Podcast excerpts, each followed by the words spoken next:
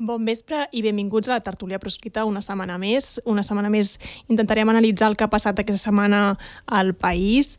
Eh, parlarem de l'acord de la claredat, parlarem del català i una novetat, parlarem del Barça. I ho farem amb Josep Costa, benvingut. Bona tarda. Ho farem també amb Albano Dante Fatxin, benvingut. Hola, bona tarda. Que unes setmanes en- ens veurem a través de pantalla, eh? Unes setmanes, Albano? Sí, sí, sí. sí. Vale. I afegim a la tertúlia aquesta setmana una persona, un periodista de la casa, com és Ot Bou. Benvingut a la tertúlia, Ot. Gràcies. I com que ja hi som tots, tenim clar de què parlarem, comencem la tertúlia proscrita.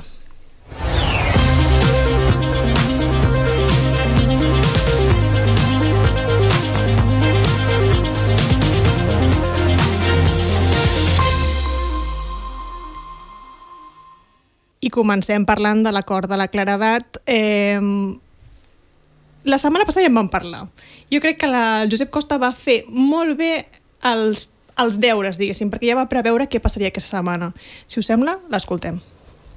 Qui- Quins acadèmics trobaran ara per dir una cosa que desmonti la llei del referèndum d'autodeterminació?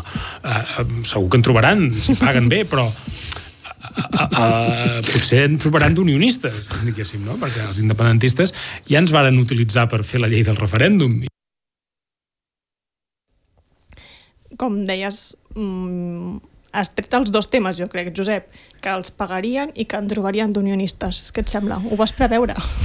Sí, era bastant previsible que, que si eh, tota la, la cosa aquesta no parla ni d'independència ni d'autodeterminació, perquè amb totes les preguntes no hi surt cap de les dues paraules, eh, que trobarien gent eh, que està en contra de la independència i en contra de l'autodeterminació per fer la feina.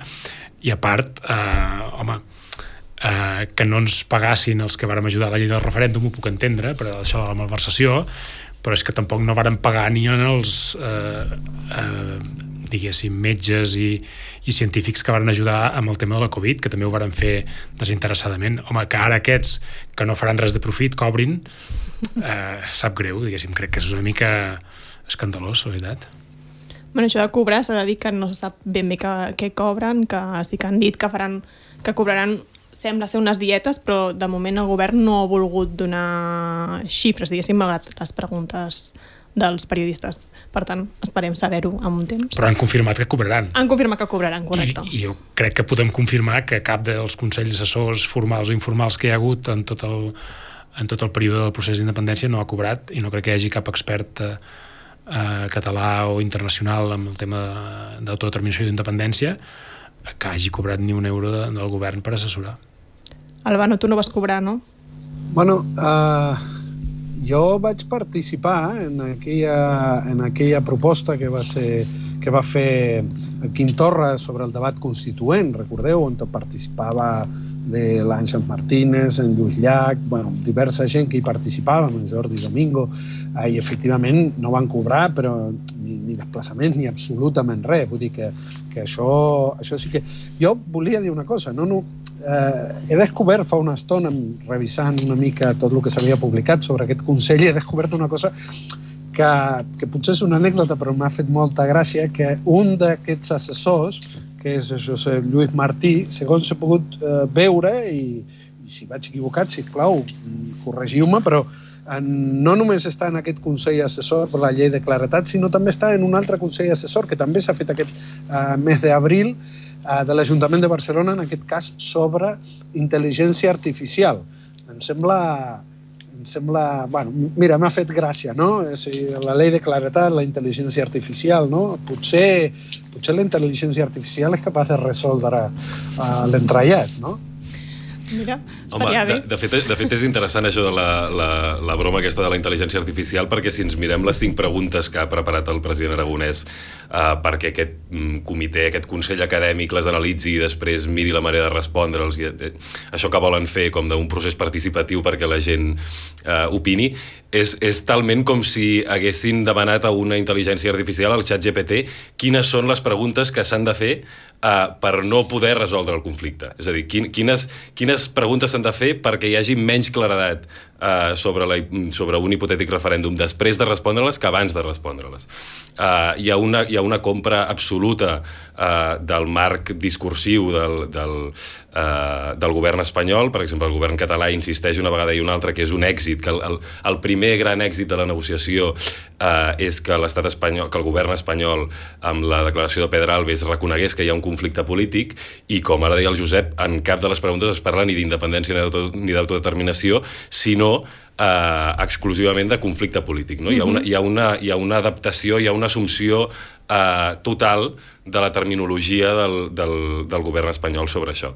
I, i de fet, les, les, uh, la, la, la, la, com de planes són les preguntes i com d'ambigües són les preguntes eh, és una pista de les intencions d'aquest govern eh, que s'expressen molt bé també amb, amb, un, amb un altre dels arguments que fan servir que és que no hi ha alternativa al que ells diuen, que no hi ha alternativa al que ells proposen, que ells senzillament estan eh, plantejant un debat sobre els mecanismes per arribar a l'autodeterminació, mm, encara que no surti les preguntes, però que no hi ha, no hi ha cap proposta alternativa. Mm, per mi és un indici eh, que després de tot aquest procés Esquerra Republicana vol tenir-ho molt més fàcil per poder dir, doncs, a la nostra manera tampoc no s'ha pogut arribar a l'autodeterminació, és a dir, adaptant-nos lèxicament, terminològicament, políticament a, a tot el marc de joc que el govern espanyol eh, disposa, tampoc no, no podem fer eh, l'autodeterminació ni resoldre el conflicte polític, que és una cosa que ja sabíem, per tant anem a buscar altres mecanismes com una reforma de l'Estatut, com els canvis legals o legislatius que siguin, com una, eh, un, un, un canvi, diguem-ne, de context polític i de context institucional que ens permeti avançar en un altre sentit. No? És a dir, és un mecanisme, paradoxalment, per treure-s'ho de sobre, per, mm. per treure's de sobre el debat. De fet, ara has dit altres mecanismes, i no sé si estaves citant literalment les preguntes, perquè et sí. diu sí, altres que mecanismes. Diu altres meca sí, sí. Mecanismes anàlegs. Pa, pa, exacte, parla de mecanismes anàlegs, que són altres mecanismes, um, per, per un objectiu que donen per suposat, però clar, jo, um, que sóc independentista i que he defensat i he treballat per l'autodeterminació i la independència de Catalunya, jo no em sent part de res del que diuen aquestes preguntes. És a dir, eh, com deies ara, està tot en el marc d'un conflicte polític i de les cinc preguntes, quatre fan servir l'expressió resoldre o solucionar. I a mi que em perdonin, jo no vull resoldre cap conflicte. Mm -hmm. eh, jo vull guanyar la independència. I, i això, eh, si hi ha un conflicte per guanyar la independència, l'objectiu és guanyar-lo, no és resoldre'l, perquè al final, escolti'm, eh, si hi ha un problema, eh, una solució possible, eh, segurament per la majoria dels que estan en aquest Consell Assessor, que són unionistes, eh, eh, resoldre el conflicte polític a Catalunya és renunciar a l'autodeterminació que ja, terminològicament, ja hi ha renunciat. I per tant, si tu renuncies al dret d'autodeterminació ja no hi ha conflicte. Albano. Bueno, que al, al final eh, una de les coses que veiem és com es compra un dels grans marcs eh, de l'estat espanyol, de, des de fa molts anys, però que Pedro Sánchez eh, sempre s'hi havia tirat encara. És que això és un conflicte entre catalanes, recordeu això de... Això és un conflicte entre catalanes, la mesa de diàleg la tenéis que hacer en Catalunya, és a dir, eh, la manera en què s'ha plantejat aquest, eh, aquest acord fantasmagòric eh, es basa justament en acceptar que el conflicte està aquí, que que, que l'únic que hem de fer és aclarir-nos entre nosaltres perquè, perquè és una cosa de catalanes. En realitat estàs assumint que no hi ha un conflicte polític i quan dius resoldre, al final el que vols dir és que els catalans independentistes deixin de reclamar el seu objectiu polític. I ara parlo una mica per experiència. És que recordo els debats que teníem al grup parlamentari de Catalunya sí que es pot i al costat d'això que estem veient, de l'acord de claretat aquest, eh, en Coscubiela i en Ravell semblen rupturistes, perquè eh, o sigui, no se sosté i, i, i assumeixen uns marcs que, que jo recordo que Esquerra Republicana, amb raó en moltes ocasions, tirava encara a cert federalisme, a certa, a cert eh, gent no independentista però sobiranista. Aquest acord de claretat passa per l'unionisme a Catalunya sí que es pot. Eh, i a, a, la, a la part unionista a Catalunya sí que es pot. Uh, abans uh, Lot deia una cosa que um, aquesta idea d'Esquerra Republicana de, de dir, mireu, això és el que hi ha, eh, potser no serveix per res, potser aquest acord de claretat és una camama i tots ho estem veient, però com que ningú diu res, com que ningú fa una, una proposta alternativa, doncs això és el que hi ha, no? I, I sí que és veritat, i recomano, perquè he llegit l'article que ha escrit Lot a, a Vilaweb, i és molt interessant la manera de dibuixar aquesta, vull dir, aquest subterfugi que fa Esquerra, que li està funcionant a una de dues, es pot acabar eh, convertint en, escolta, si tot, tot plegat és un paripé enorme, doncs la gent pren distància, desconnecta de la política i els deixa fer, aquesta és una, una opció, o, o l'altra és que aparegui certament un, un, un, un discurs alternatiu. No estic parlant només a nivell electoral, estic parlant que com a país hem de ser capaços de pensar políticament uh, davant d'això que se'ns se presenta, perquè si jo, de veritat, aquí ens reunim per intentar entendre, critiquem el que estem veient, perquè cal criticar-ho, però sembla, sembla impressionant que no siguin capaços d'articular la manera de, de, de, de treure, diguéssim, eh, aquest eh, adversari polític, que és aquest autonomisme tan ridícul. És que a mesura que fan ridiculeses, em, em sento més impotent de dir, ostres, com és que no podem fer front a aquests ridículs? Teniu alguna resposta? Jo, jo, jo crec que sobre una, sobre una de les coses que deies, eh, això de um, respondre a, en funció del el que diu l'estat espanyol que és el primer diàleg que ha de ser entre catalans, això eh, és una de les raons per les quals, per exemple, hi ha eh, persones no independentistes i que fins i tot, eh, com, com Astrid Barrio, que ja n'hem parlat molt durant aquesta setmana, eh, va dir que el, el referèndum era un parany dicotòmic, no? És a dir, que, que sí que hi ha Uh, sí que hi ha aquesta, aquesta cosa. Esquerra se l'ha d'interpretar sempre exactament a l'inrevés de, del que està dient. És a dir, quan diuen una cosa volen dir exactament la contrària. És, una, és la mateixa lògica, diguem-ne, que, que amb Jordi Sánchez, quan era secretari general de Junts per Catalunya, que també feia el mateix. Uh, quan Esquerra diu que això és per fer un gran consens, és a dir, que el pacte ha de ser tan transversal com sigui possible, volen dir que ha de ser tan, tan, o sigui, que ha de ser tan acotat a dintre dels marcs de, de l'autonomia, diguem-ne, permesa per Madrid com sigui possible. I això eh, té una aparença transversal perquè eh, per primera vegada hi ha independentistes i no independentistes i ultraespanyolistes que estan d'acord amb que no es pot fer la independència. No? Eh, quan diu Aragonès, per exemple, també eh, preparant l'acord de claredat, que és un mecanisme per apoderar la ciutadania, en realitat el que vol dir és que és un mecanisme per no apoderar la ciutadania, és a dir, per desapoderar la ciutadania. Per, el, quan volen fer un procés participatiu és perquè la gent no participi en realitat. No? Llavors, sobre això que deies tu, jo, relacionat amb això també, jo crec que un, un dels problemes que pot tenir Esquerra amb aquesta operació que està fent per, per constrènyer tant com pugui el marc de, del que es pot fer i el que no es pot fer i el que es pot dir i el que no es pot dir dintre de la política catalana, és que si tu vas empetitint, empetitint, empetitint, empetitint el marc, eh, és veritat, tu estàs dintre les institucions, controles les institucions, dintre d'una certa eh, lògica electoral, diguem-ne, dintre de la gent que va votar Uh, perquè encara creu en, en aquest sistema polític i en aquest sistema institucional, encara pots esgarrapar vots, encara pots fins i tot guanyar les eleccions, però en realitat el que estàs fent és que els discursos que sí que tenen en compte la realitat, diguem-ne, i que sí que tenen en compte, per exemple, que Espanya no permetrà mai un referèndum ni per les bones ni per les, ni, ni, ni, ni per les males, perquè està fundacionalment en contra de la secessió, que tota la gent que sí que té en compte en els seus anàlisis que, que, que, el, que el que diu Esquerra és estructuralment mentida i que Esquerra, a més a més, segurament ho sap, eh, s'aparti, diguem-ne, de la, de la, de la vida política institucional, eh, recorri a l'abstenció, recorri a altres maneres de fer política.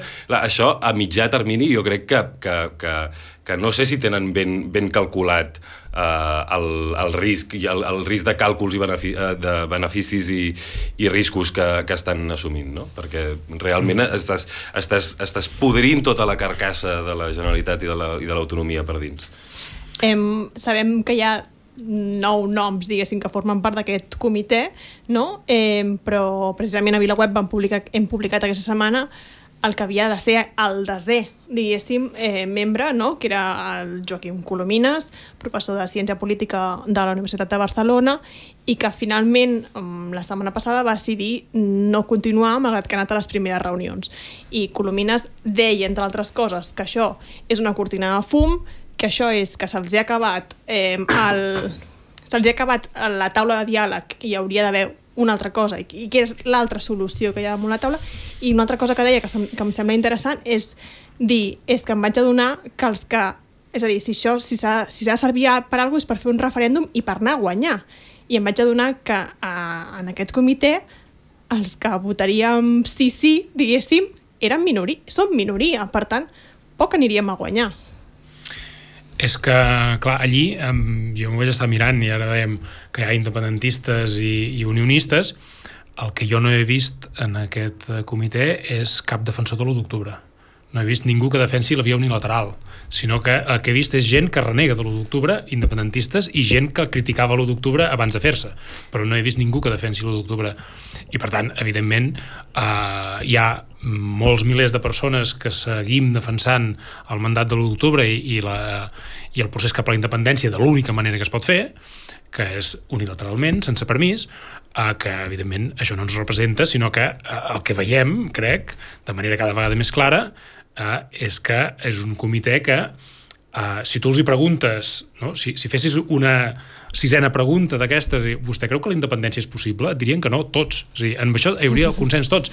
I, i clar, i, i, i situes el país, i aquesta és una mica la cosa que comparteix amb el Bano de que calen relats alternatius i que cal desmuntar tota aquesta farsa, eh, que és que, eh, sobretot, cal recuperar la idea de que la independència vàrem estar a tocar de fer-la i que no només eh, és possible, sinó que a més sabem com fer-ho i som capaços de fer-ho, perquè és que eh, ara mateix han instal·lat eh, el país, diguéssim, en, en aquesta comoditat autonomista, però és que a més han instal·lat la comoditat aquesta en, de, de, de la independència no és possible i ja ens agradaria com una cosa transversal no? eh, eh, ja tens, diguéssim, el, el, la majoria de Junts, de Junts per Catalunya, que han arribat a la conclusió que han de competir amb Esquerra eh, pel costat convergent, pel costat eh, dels, dels que eh, pensen que no es pot fer la independència. No? Hem vist a Joana Ortega, diguem obertament, no? el nou fitxatge estrella de, de, de Trias a Barcelona, és eh, la independència no és possible, no és, no és viable. I, i, i per tant, d'alguna manera ja estan competint aquí, els, els dos grans partits independentistes fins avui, estan competint en el relat de que la independència no és possible. Per tant, l'alternativa a aquesta que diuen que, que no hi ha alternativa, sí que hi és. Seria la via unilateral que no, que no tenen en compte, no, Albano? Sí, jo, mm, eh, en relació a això, eh, aquesta, aquesta idea de, de fugir al conflicte, que és el que deia en Josep abans, no? de dir, bueno, hem de resoldre el conflicte, resoldre el conflicte vol dir tancar la idea de conflicte, eh, en realitat, com que no es dona cap solució que respongui a les demandes de qui s'ha mobilitzat, que en aquest cas són els independentistes, eh, l'unionisme si de cas s'ha mobilitzat per reprimir l'independentisme, per tant, resoldre el conflicte vol dir tornar a la situació anterior en la que l'independentisme acceptava l'estatu quo. Eh, a mi el que, lo que eh, Josep deia, jo no me sento representat. Aquesta idea de, de de defugir el conflicte, de donar per tancat el conflicte, d'apaivagar l'antagonisme que hi ha a totes les societats. Eh, com es pot resoldre aquest conflicte sense antagonisme?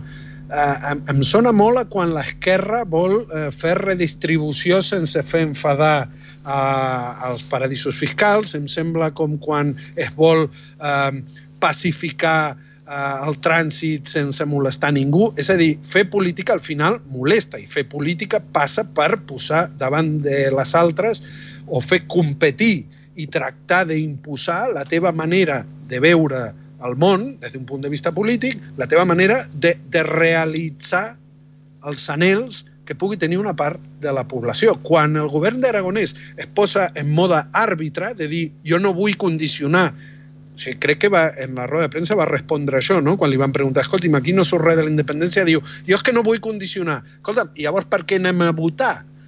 Jo vull que condicioni vostè. Vostè va presentar dient que faria eh, culminaria la independència, no sé què, quina cosa va dir. Escolti'm, llavors vostè no es pot posar com a àrbitre, vostè és part del joc, i vostè és part del joc i, i, i ha d'enfrontar-se a l'altra part del joc. No, s'han posat en àrbitre. Llavors, què tenim?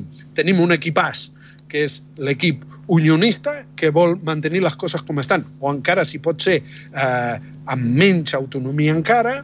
Tenim un àrbitre que fa d'àrbitre, però sembla que l'equip de l'independentisme està perdut. I, per tant, aquesta idea em sembla molt antipolítica, no? La idea de, de, de, de resoldre el conflicte, d'intentar...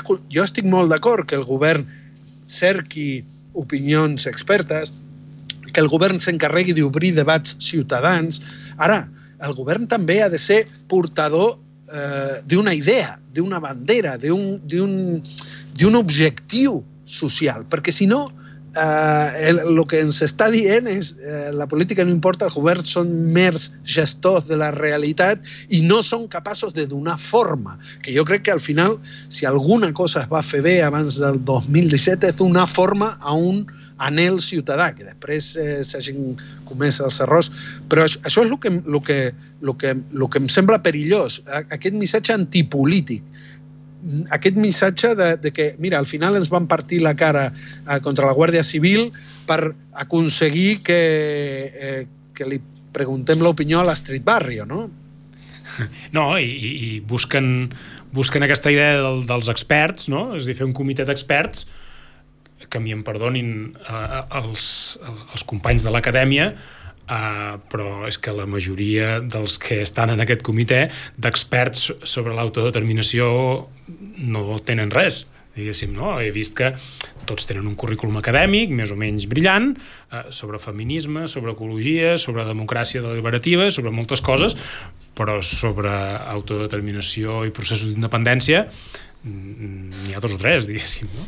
I sé que s'ha parlat molt del cas de l'Strip Barrios, eh? però quan l'Astrid Barrios eh, forma part d'un partit, encara que no tingui representació, eh, o hagi, als últims temps hagi posicionat políticament tan, tan clarament, no perd eh, part de... És a dir, si busques una, un... Si, segons, tu busques un equip on neutral, no? diguéssim que faci d'àrbitre, que trobi solucions, no té molt de sentit posar una persona amb el seu perfil. Llavors. No, perquè sí, sí, és a dir, sí que en té des del seu punt de vista perquè eh, la, la voluntat simbòlica ja és escenificar la taula de partits, diguem-ne, i, la, i la, la negociació que... interna que hi, ha entre, que hi ha entre catalans. Per tant, estàs posant gent de cada partit allà, diguéssim. Ah, diguem-ne que estàs, estàs, uh, sí, estàs escenificant una mena de, una mena de, de parlament acadèmic, sí, sí. Jo, sí que, jo volia afegir una cosa sobre això que estava, sobre això que deia l'Albano, uh, que és que realment és molt complicat perquè, perquè en realitat el qui, el qui et situa és a dir, diguem el que et situa en aquest, en aquest atzucac, en aquest laberint, eh, és el fet d'haver fracassat el 2017, no és Esquerra Republicana. Esquerra Republicana el que li passa és que és a dir, el, el, jo crec que nosaltres hem de partir d'una base analítica que és que la majoria de la ciutadania de Catalunya és independentista en realitat, fins i tot molta gent que vota el PSC, fins i tot molta gent que vota els comuns i fins i tot gent que vota el PP, perquè jo els conec, jo conec i, i, i sóc fins i tot familiar, diguem de, de gent que vota el PSC i que idealment estaria a favor de, de fer la independència. Aleshores, el, el problema que hi ha de fons és que hi ha, hi ha permanentment eh, una por del cost i, un, i, una, i una assumpció que el, el, els costos que s'ha de pagar i el que s'ha de fer políticament per aconseguir la independència, o no són factibles, o no es poden pagar, o ara mateix no és el moment de fer-ho. No? I aleshores el, el procés comença per esgotament, per l'única manera com pot començar en aquell moment, que és un esgotament eh, moral eh, de, la via, eh, de, de la via alternativa, que és eh, intervinguem en Espanya, ajudem a construir Espanya, participem d'Espanya, intentem canviar les coses des de dintre Espanya, i en el moment en què amb la sentència de l'Estatut, i no només el factor de la sentència de l'Estatut, hi havia una, però ara, ara no, no anirem, diguem-ne, des del... No, no, no, no podem descapdallar tant en l'anàlisi, ja ho entenc, però eh, en el moment de la sentència de l'Estatut hi ha molta gent que diu eh, s'ha acabat, anem a, fer, anem a intentar fer una altra cosa. En aquest moment és quan, de cop i volta, la independència, que és una cosa que, que, que no s'havia aprovat des de feia eh, dècades, si no segles en realitat, eh, és que eh, eh la gent comença a veure-la factible. I per això, de cop i volta, l'independentisme passa de tenir un 10% dels vots o un 12% dels vots a tenir el 48% dels vots. El que passa el 2017 és que, a ulls de molta gent, i per mi això és, és la, la qüestió perillosa, eh, a ulls de molta gent la independència deixa de ser possible a, a, a curt termini o a mitjà termini. Potser és veritat, perquè en realitat tu precisament el que necessites per fer la independència és que la majoria de la gent no sigui independentista, que ja ho és i ho ha estat sempre, sinó que vegi que ha estat possible. Mm. El problema per mi és com tu, des de les institucions i com a partits polítics, respons davant d'això. Llavors, el que, la, la manera com Esquerra està responent davant d'això i Junts també està responent de la mateixa manera encara que digui altres coses i la CUP també està responent de la mateixa manera encara que digui altres coses, és dir, no, la independència no és possible a, a mitjà termini i per tant ara ens ocuparem de tota una sèrie d'altres coses. Llavors el, el, el problema és això, és un tema que eh, t'obliguen a tu, per això començava dient que, que, que no és Esquerra en realitat qui t'hi obliga, sinó que és, és la situació perquè t'obliguen a tu a, a, no, a no participar, diguem-ne, de, de tot el, de tot el, el, el terreny polític que, que et deixa l'Estat. No? Jo, jo crec que això, que això és clau, de fet, que, que el, el... ara ja no es tracta de fer enquestes sobre què vol la gent o sobre què desitja la gent, eh, si la gent li està d'acord o no amb la independència, sinó que eh, Esquerra eh, ha llegit bé una cosa de la societat catalana, que és que la pregunta fonamental és el, és el com ho farem o si és possible o no és possible. I Esquerra dona la seva resposta. Eh, no sabem com fer-ho, no és possible aconseguir-ho. I alimenta, I, perdó... I ho alimenta, diguéssim. Alimenta la idea de que no ho és. De que I, no I el comitè d'experts aquest Però... és per explicar-nos que no és possible la independència. Uh, i, I, per tant, ara l'independentisme, uh, el, el, aquest és el repte fonamental que té, és a, a demostrar que la independència sí que és factible i que la independència sí que la podíem fer, la podíem assolir de la manera que ho vàrem intentar el 2017. Simplement, a, a, diguéssim, es tracta de fer-ho una miqueta més conscients, una miqueta més preparats i no deixar-ho a mitges. Però que el camí, diguéssim, a, a, teòricament, Uh, és el del 2017, no n'hi ha un altre. Eh, és, és la, la mobilització popular i la ruptura democràtica. Que tots els altres camins només porten a, a, a un retorn a l'autonomisme. Jo crec que això eh, l'anàlisi aquesta és clar, però clar, hi ha un repte, i aquí és allà on Esquerra atrapa Junts i atrapa la CUP, és que si eh, eh, eh, la meitat de l'independentisme eh, baixa del, del tren, evidentment eh, la via unilateral o la via de la ruptura democràtica no és possible, perquè amb la meitat de l'independentisme no es fa la independència.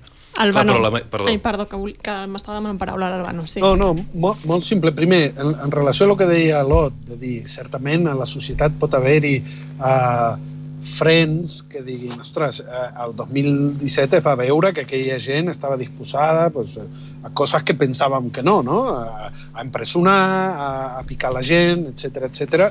Doncs és veritat que aquest factor hi és, però també hi ha un altre factor, que és que vam veure que malgrat picar la gent i malgrat la repressió, moltíssima gent no es va fer enrere i és fer política ficció, però sí que, sí que van veure, jo crec que l'1 d'octubre i el 3 d'octubre es va veure que justament en el moment en què s'assumeixen riscos hi ha tota aquesta part de gent que deies que no són independentistes nominals, que sí que sortien al carrer, que sí que sortien a, a, a dir fins aquí, que després, com diu en Josep, hagi fallat i no s'hagi desenvolupat bé eh, allò que va portar a, a l'octubre del 17, és una altra cosa. Per tant, això de la por, jo mm, sempre es diu, no? Això, i crec que potser és una caricaturització, no dic que ho hagi dit, eh, però sí que ho he sentit en altres discursos, fins i tot una caricaturització del ser català, no? Que al final, quan, quan arriba l'hora de la veritat tothom se tira enrere i el que va passar l'1 d'octubre i el que va passar el 3 és que la gent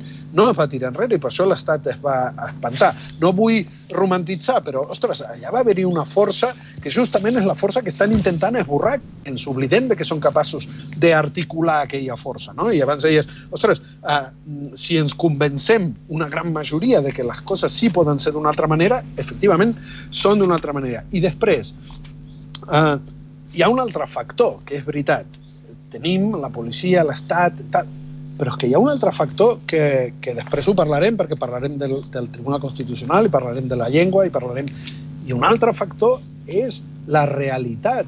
Quina és l'alternativa a intentar tornar a mm, enfrontar-se amb l'Estat amb tots els perills que, que comporta? Doncs l'alternativa és brutal igualment. L'alternativa és perdre la llengua. L'alternativa és eh, la, la, la, el decliu econòmic, el decliu moral, el decliu de tota mena del país, el decliu polític, gairebé la desaparició. I no, no, no, no, em, vull, no em vull passar de catastrofista, però certament, llavors, el discurs polític des de Catalunya, i acabo, hauria de ser construir en base a la realitat. Diuen, no, no, és que construïm en base a la realitat la idea de que eh, la independència no és possible. Escolta'm, també pots construir altres relats en base a la realitat. I, i, el, i, els, i el relat és, fins i tot en el cas de que sigui molt difícil, cal intentar-ho perquè l'alternativa, si no, és encara més brutal, no?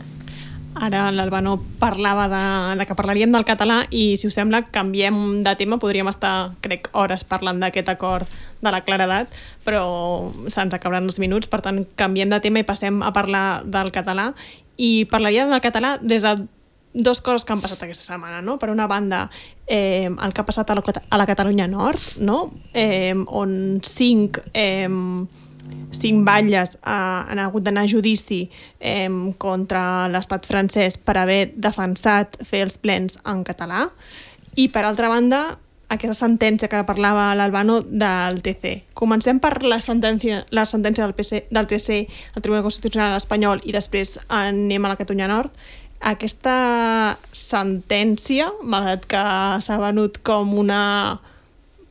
Bé, no sé si dir victòria, no sé si tant, no? però sí que el conseller Cambrany ha celebrat la resolució, com a mínim, eh, no seria del tot tanta victòria, no? diguéssim, Mot, tu que ho has seguit això. Bé, a veure, el, el, el primer, la, la primera cosa que cal dir sobre aquesta sentència és que eh, no és no és una gran sentència, és la resolució d'un recurs que havia posat Vox contra la llei CELA, que és l'última reforma educativa espanyola que es va aprovar amb els vots eh, per iniciativa del PSOE i amb els vots d'Esquerra Republicana, Uh, I aleshores, què passava en aquesta llei? En aquesta llei passava que, diguem-ne que per aconseguir el vot d'Esquerra Republicana, el PSOE va accedir a eliminar un fragment de la, de la disposició addicional 38ena eh, que deia que el castellà i les llengües cooficials tenien la condició de llengües vehiculars a, a tot l'estat espanyol.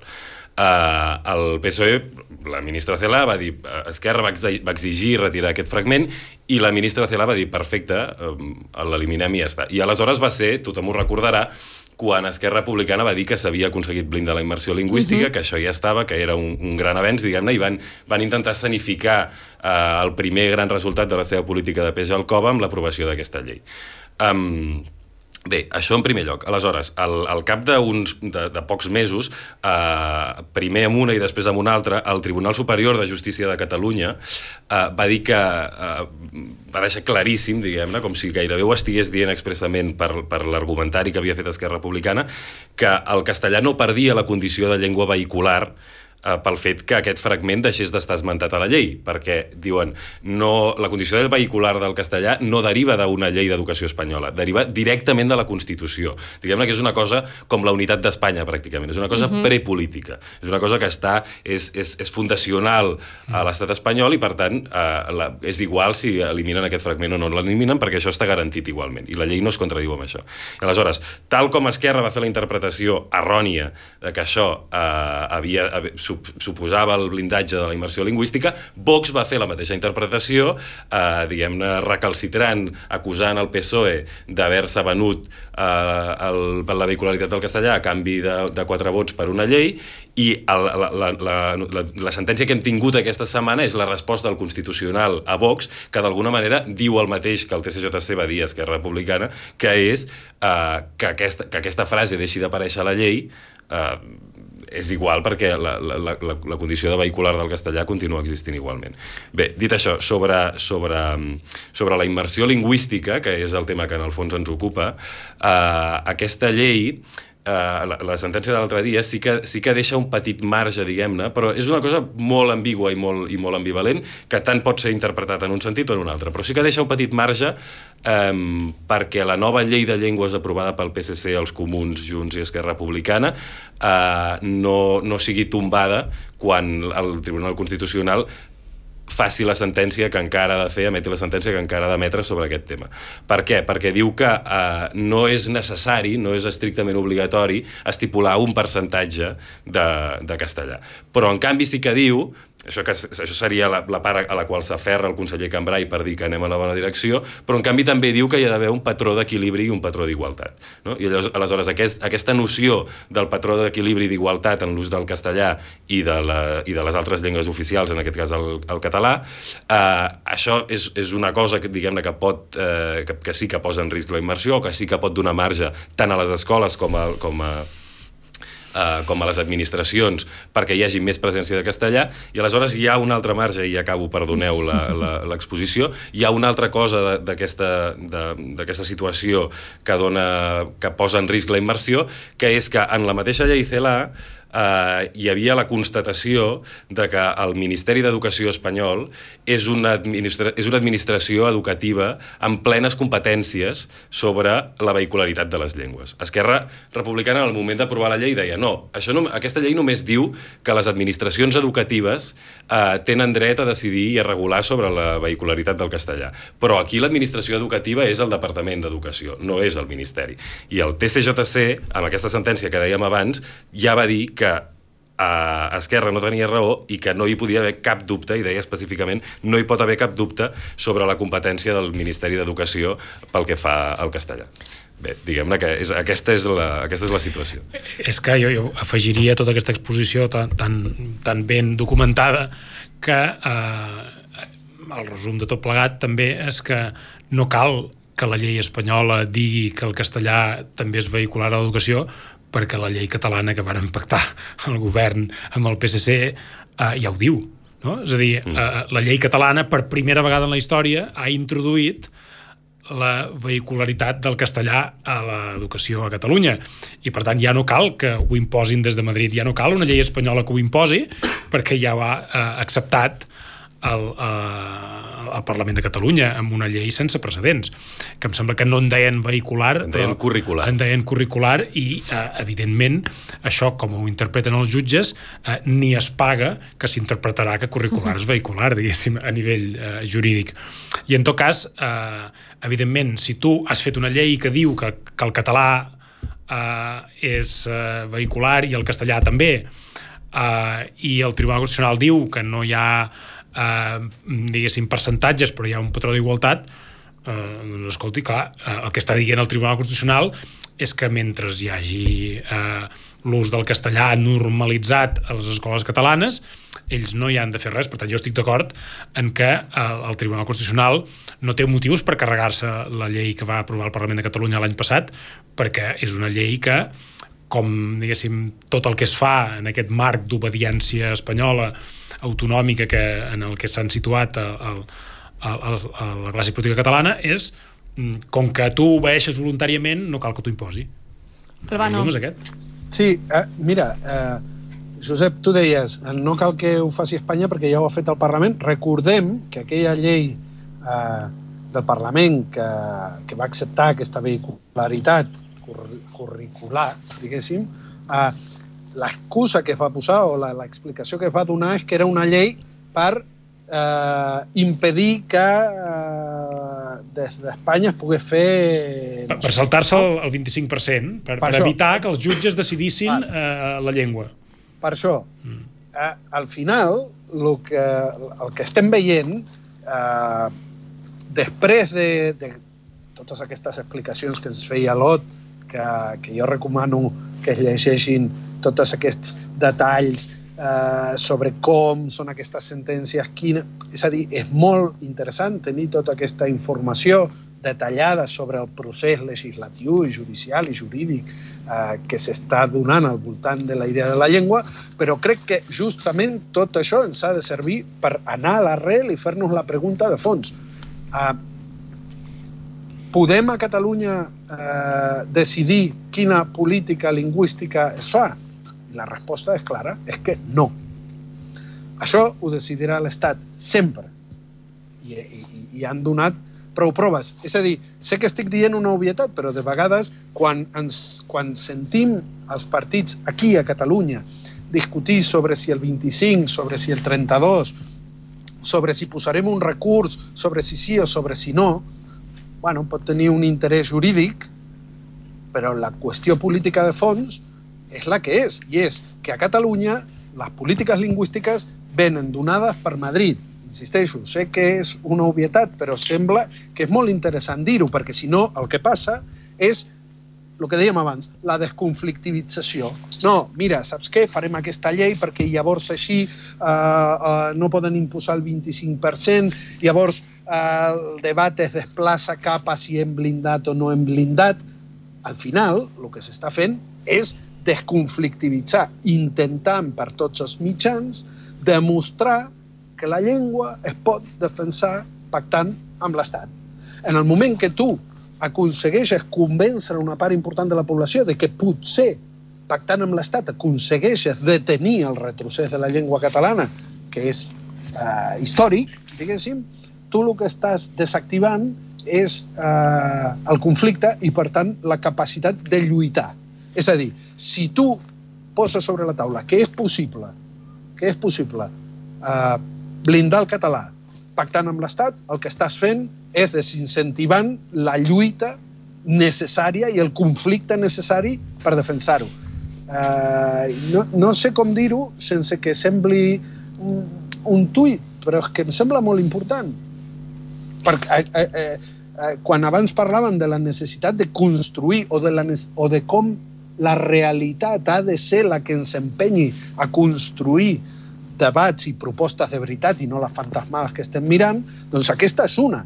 Direm clarament que Catalunya... És, és com posar-se a discutir sobre l'aeroport o, o, o els Jocs Olímpics. Escolta'm, es farà el que digui Espanya, punto. D'alguna manera, la, la suavitat amb què el, el Constitucional ja obre la porta, diguem-ne, a acceptar la, uh, aquesta llei de llengües dient que hi ha d'haver un patró d'igualtat però que no cal establir percentatges, i és un indici una mica d'això, no? que diguem-ne que Madrid en suma fins a on pot fins on pot obrir, fins a quin punt pot, pot rajar aigua de l'aixeta del conflicte. No? I aleshores, en un moment de pacificació com el que viu Catalunya en aquests moments, eh, carregar-se molt explícitament la immersió, si ara el Constitucional digués el 25% eh, s'ha d'aplicar igualment perquè ho ha, així ho ha establert el Tribunal Superior de Justícia de Catalunya i ja està, no hi ha més discussió, eh, això sí que pot generar una resposta i en canvi, com deia l'Albano i com deia, el, com deia el Josep eh, ja amb, amb la nova llei d'ús de llengües a l'escola ja hi ha una, una es, es renuncia eh, de facto a que el català sigui no el centre de gravetat de l'ensenyament a Catalunya, que és el que diu el secretari de Política Lingüística i és el que diu la consellera i és el que defensa el govern. No, el català continua sent el centre de gravetat. No, es renuncia que el català sigui la llengua, diguem-ne, de poder, és a dir, que, sigui la, que, el, que el català sigui la llengua de cohesió de Catalunya. No? Uh mhm. -huh. I, aquesta, I aquest argument eh, que a mi em carrega una mica que l'objectiu de la immersió, que la, la immersió s'ha de, de, de defensar perquè al final de l'educació tots els alumnes saben castellà i saben català igualment, quan l'objectiu de la immersió, en el fons, no és que sàpiguen castellà i català. L'objectiu de la immersió és reforçar el català, primera, que sàpiguen català, i després reforçar que el català sigui la llengua de cohesió i la primera llengua de Catalunya i la llengua que té prioritat. No? I aleshores això és, és d'alguna manera el que ha quedat aigualit, és el llençol que hem perdut en aquesta bugada i que amb, amb tots aquests eh, legalismes segurament perdrem de vista en cas que el Constitucional digui no, aquesta llei serveix. Estaran la mar de contents tots els polítics, el govern estarà la mar de content perquè diran que amb la seva creativitat i amb la seva inventiva han aconseguit defensar això, però en realitat teníem el secretari de Política Lingüística dient, per exemple, que en, una mateixa, en un mateix grup classe el mestre podria dir als alumnes que una, uns fessin una activitat en castellà i els altres fessin l'altra activitat eh, en català en funció de les necessitats de reforç de cadascú, eh, que és una cosa que, eh, per mi, vaja, atempta contra un principi que està establert a l'Estatut i que és la, la, la noció essencial de la immersió lingüística, que és que els alumnes no es poden segregar per classe, ai, per, per llengua. llengua. I aleshores, si no es poden segregar per llengua, és que n'hi ha una que és la principal, que és el català. I això eh, això ha desaparegut perquè, a més a més, el, el,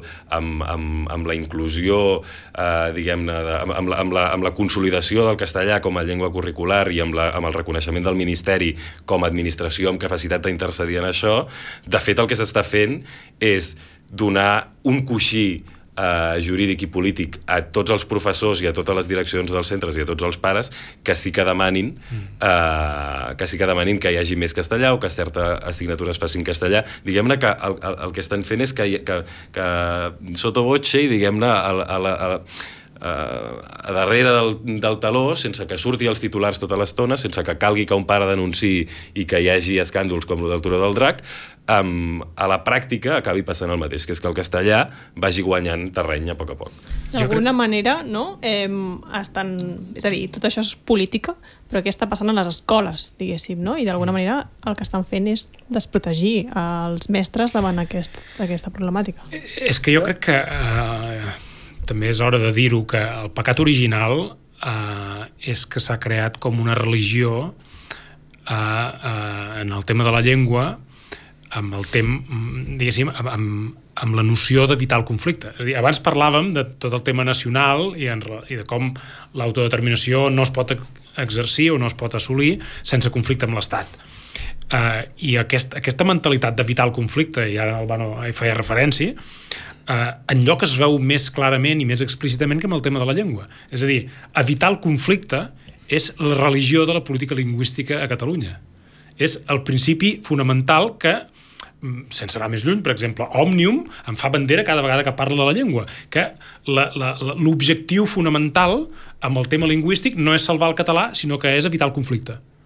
Eh, és la cohesió social, eh, però és evitar el conflicte. És a dir, vivim en un marc en què eh, qualsevol política lingüística és acceptable eh, mentre eviti el conflicte, perquè sembla ser com que hi ha un pànic a, en el conflicte lingüístic.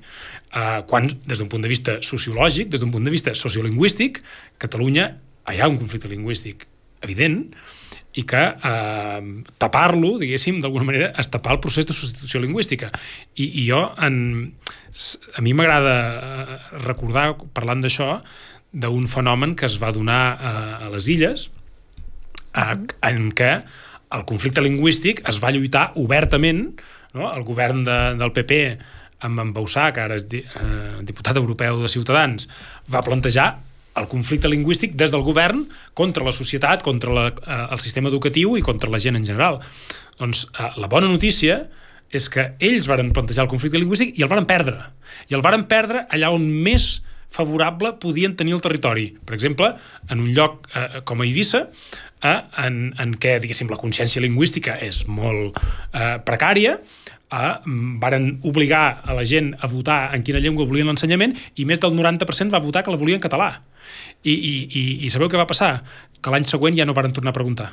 Uh -huh. eh, és a dir, si a, a un lloc en què eh, no hi ha consciència lingüística tu preguntes a la gent amb quina llengua vol l'ensenyament i surt que vol en català, escolti'm, eh, per què tenim aquesta por tremenda al conflicte lingüístic? Jo crec que hem d'assumir, hem d'arribar al punt de que, igual que per aconseguir la sobirania i la independència hi haurà conflicte polític, per salvar el català hi haurà conflicte lingüístic i evitar el conflicte lingüístic eh, és facilitar-li a l'Estat la imposició del castellà.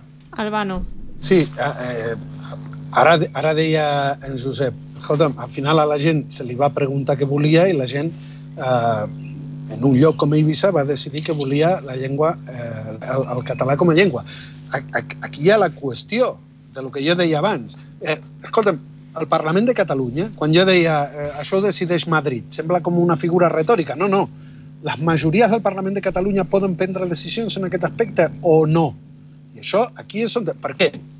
Òbviament que no ho deixaran, perquè saben que l'expressió democràtica eh, serà favorable a, o, o contrària, diguéssim, a la seva intencionalitat de fer desaparèixer el català. I, i ho he dit així taxativament, eh, conscientment, perquè eh, abans Lot deia l'objectiu l'objectiu de la immersió lingüística, que en té uns quants, però hi ha un, eh, en Josep Benet, en el seu llibre on s'explica la persecució del català, la persecució política del català, diu, al final la immersió, des d'un punt de vista teòric, és intentar desfer una quantitat enorme d'agressions que ha patit la llengua i intentar retornar en la mesura del possible, i molt, i molt és irreparable, però intentar reparar una persecució brutal, una, una persecució eh, genocida gairebé, diríem, bueno, de fet és el, la, la paraula que, que fa servir Josep Benet, no? l'intent de genocidi cultural. És a dir, si entenem que la immersió és un intent de reparar mínimament tot el desastre, i no només durant el franquisme, sinó des del decret de nova planta, eh, llavors eh, jo crec que tenim més elements per, per, per defensar-la políticament, per, per guanyar el conflicte. El que passa també, i això no acabo d'entendre per què és així, el govern no només renuncia a conflictivitzar, sinó renuncia a que hi hagi una mínima consciència de l'agressió lingüística que pateixen els catalanoparlants des de fa eh, dècades i segles. És a dir, eh, hi hauria d'haver una conselleria de, de, de drets lingüístics, per exemple. No hi ha una conselleria de drets lingüístics. Hi hauria d'haver una acció, però no, la queta està molt bé i treu la llengua per al català, està molt bé, però escolta'm, aquí s'ha d'explicar que, que, que durant dècades s'ha obligat als nens, s'ha castigat als nens, s'ha eh, eh, esborrat eh, el català de la vida pública. I s'ha d'explicar perquè, i ara en parlarem, l'Estat sí que està fent la seva feina. L'Estat i, eh, i, i el, el, els defensors d'arraconar el català tot el que pugui sí estan fent la seva feina, estan negant la persecució del català, estan negant eh, 300 anys d'imposició del castellà i no paren de fer-ho. En canvi, aquí sembla que ens conformem a no conflictivitzar. Llavors, què veiem? Pues veiem articles com eh, que Franco no prohibia el català i aquí no passa res, o eh, les coses aquestes que passen al voltant de tot això del Barça i del Madrid, no? Sí.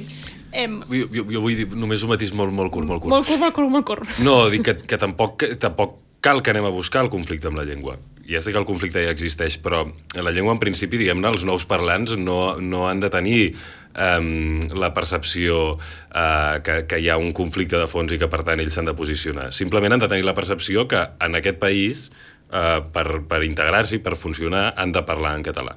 I això es pot fer afirmativament, també, només amb un punt de, de, de consciència lingüística per part dels parlants que és que tothom ha d'assumir que perquè el català se salvi i es preservi, el castellà ha de retrocedir i ha de perdre espais. I ja està. Parlàvem del conflicte al català dins l'estat espanyol, diguéssim, no? a, a la Catalunya Sud, però a la Catalunya Nord aquesta setmana també hi havia eh, també era notícia, diguéssim, el català, no? Uh, cinc alcaldes, entre ells uh, l'alcalde d'Elna, anaven a judici a Montpellier eh, precisament per això, no? eh, per haver permès l'ús del català en els plens municipals eh, i l'estat francès assegurava que és una discriminació pel francès, eh, amb la llengua de la república, i diuen que no n'hi ha prou no n'hi ha prou amb la traducció és a dir, eh, en aquests alcaldes en cap cas eh, parlaven només en català als plens, sinó que parlaven en català i després feien la traducció. A més a més, eh, el francès en els papers estava traduït ben, ben gros. Eh, I això no, no els sembla suficient, no?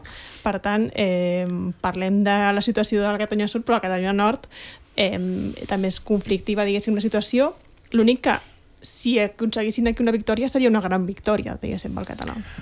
Bé, mm, s'haurà de veure, diguéssim, perquè França és molt jacobina i, França té unes tradicions, però també és veritat que hi ha certs eh, indicis de que, de que també està canviant alguna cosa a l'estat francès, no? amb la llei Molac i alguns passos que s'han fet, eh, però bé, jo, jo crec que al, al final el que posa de manifest eh, aquest judici als alcaldes de Catalunya Nord eh, és que efectivament eh, la llengua eh, eh, genera conflicte polític. Eh? I, per tant, i, i jo potser eh, eh, eh, diguéssim, he parlat de que és bo el conflicte, però no he parlat de que sigui bo el conflicte lingüístic per se. És, dir, és bo el conflicte polític i, i, i defensar políticament, i, és a dir, i fer una ofensiva política defensant la llengua i no evitar el conflicte polític per defensar la llengua és el que crec jo que hauríem d'assumir d'alguna manera i, i, i, i perdre aquesta por atàvica d'alguna manera a, a, a, a que hi hagi conflicte polític al voltant de la llengua, que, que jo crec que això, és a dir, van, el Tribunal Constitucional, com que veu que, que ja, ja s'obeeix eh, voluntàriament, no, no, no s'hi fica, no genera conflicte, no? i per tant, si tu per generar conflicte has de recular, per, perdó, per evitar el conflicte has de recular, doncs és molt mala solució.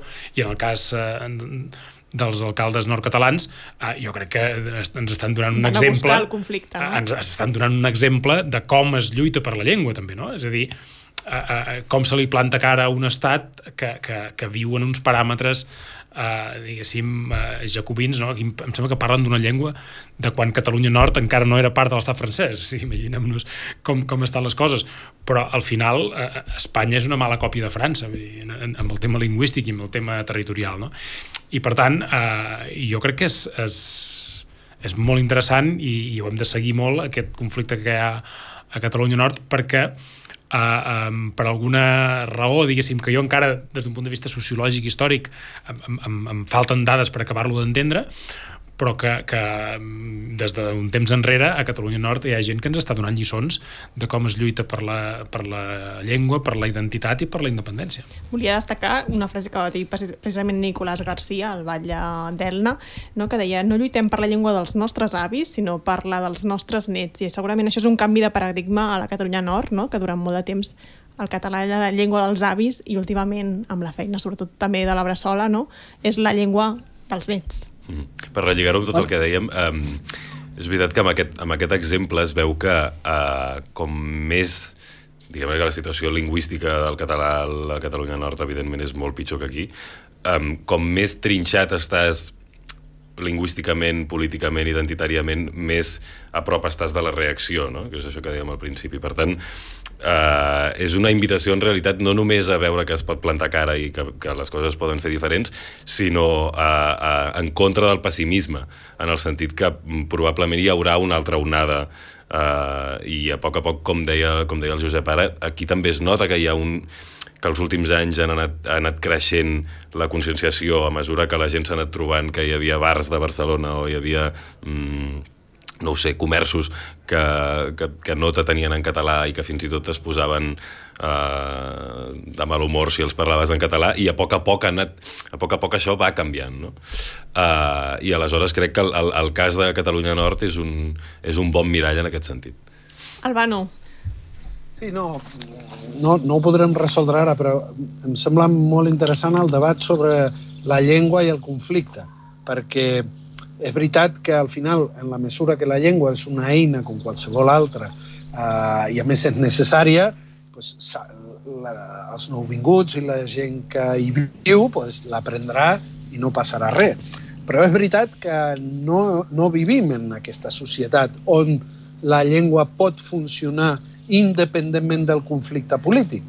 Eh, és a dir, hem d'entendre que ha estat l'Estat durant dècades qui ha tractat el català com alguna cosa més que una llengua, sinó com una manera... O sigui, l'Estat sempre ha assenyalat que el català era la, la qüestió al voltant de la qual girava eh, la consciència dels catalans de ser catalans. I, per tant, atacaven aquesta consciència a través del català. I, per tant, la recuperació de la llengua eh, em sembla molt difícil de pensar sense conflicte, perquè en el que passa la llengua, al final el que s'està expressant és un conflicte que, que, que, que, ho, que, ho, que ho tapa tot, un conflicte umbrella, que és que com a comunitat política, però també com a comunitat lingüística, no som sobirans, estem a expenses de lo que diguin altres i, per tant,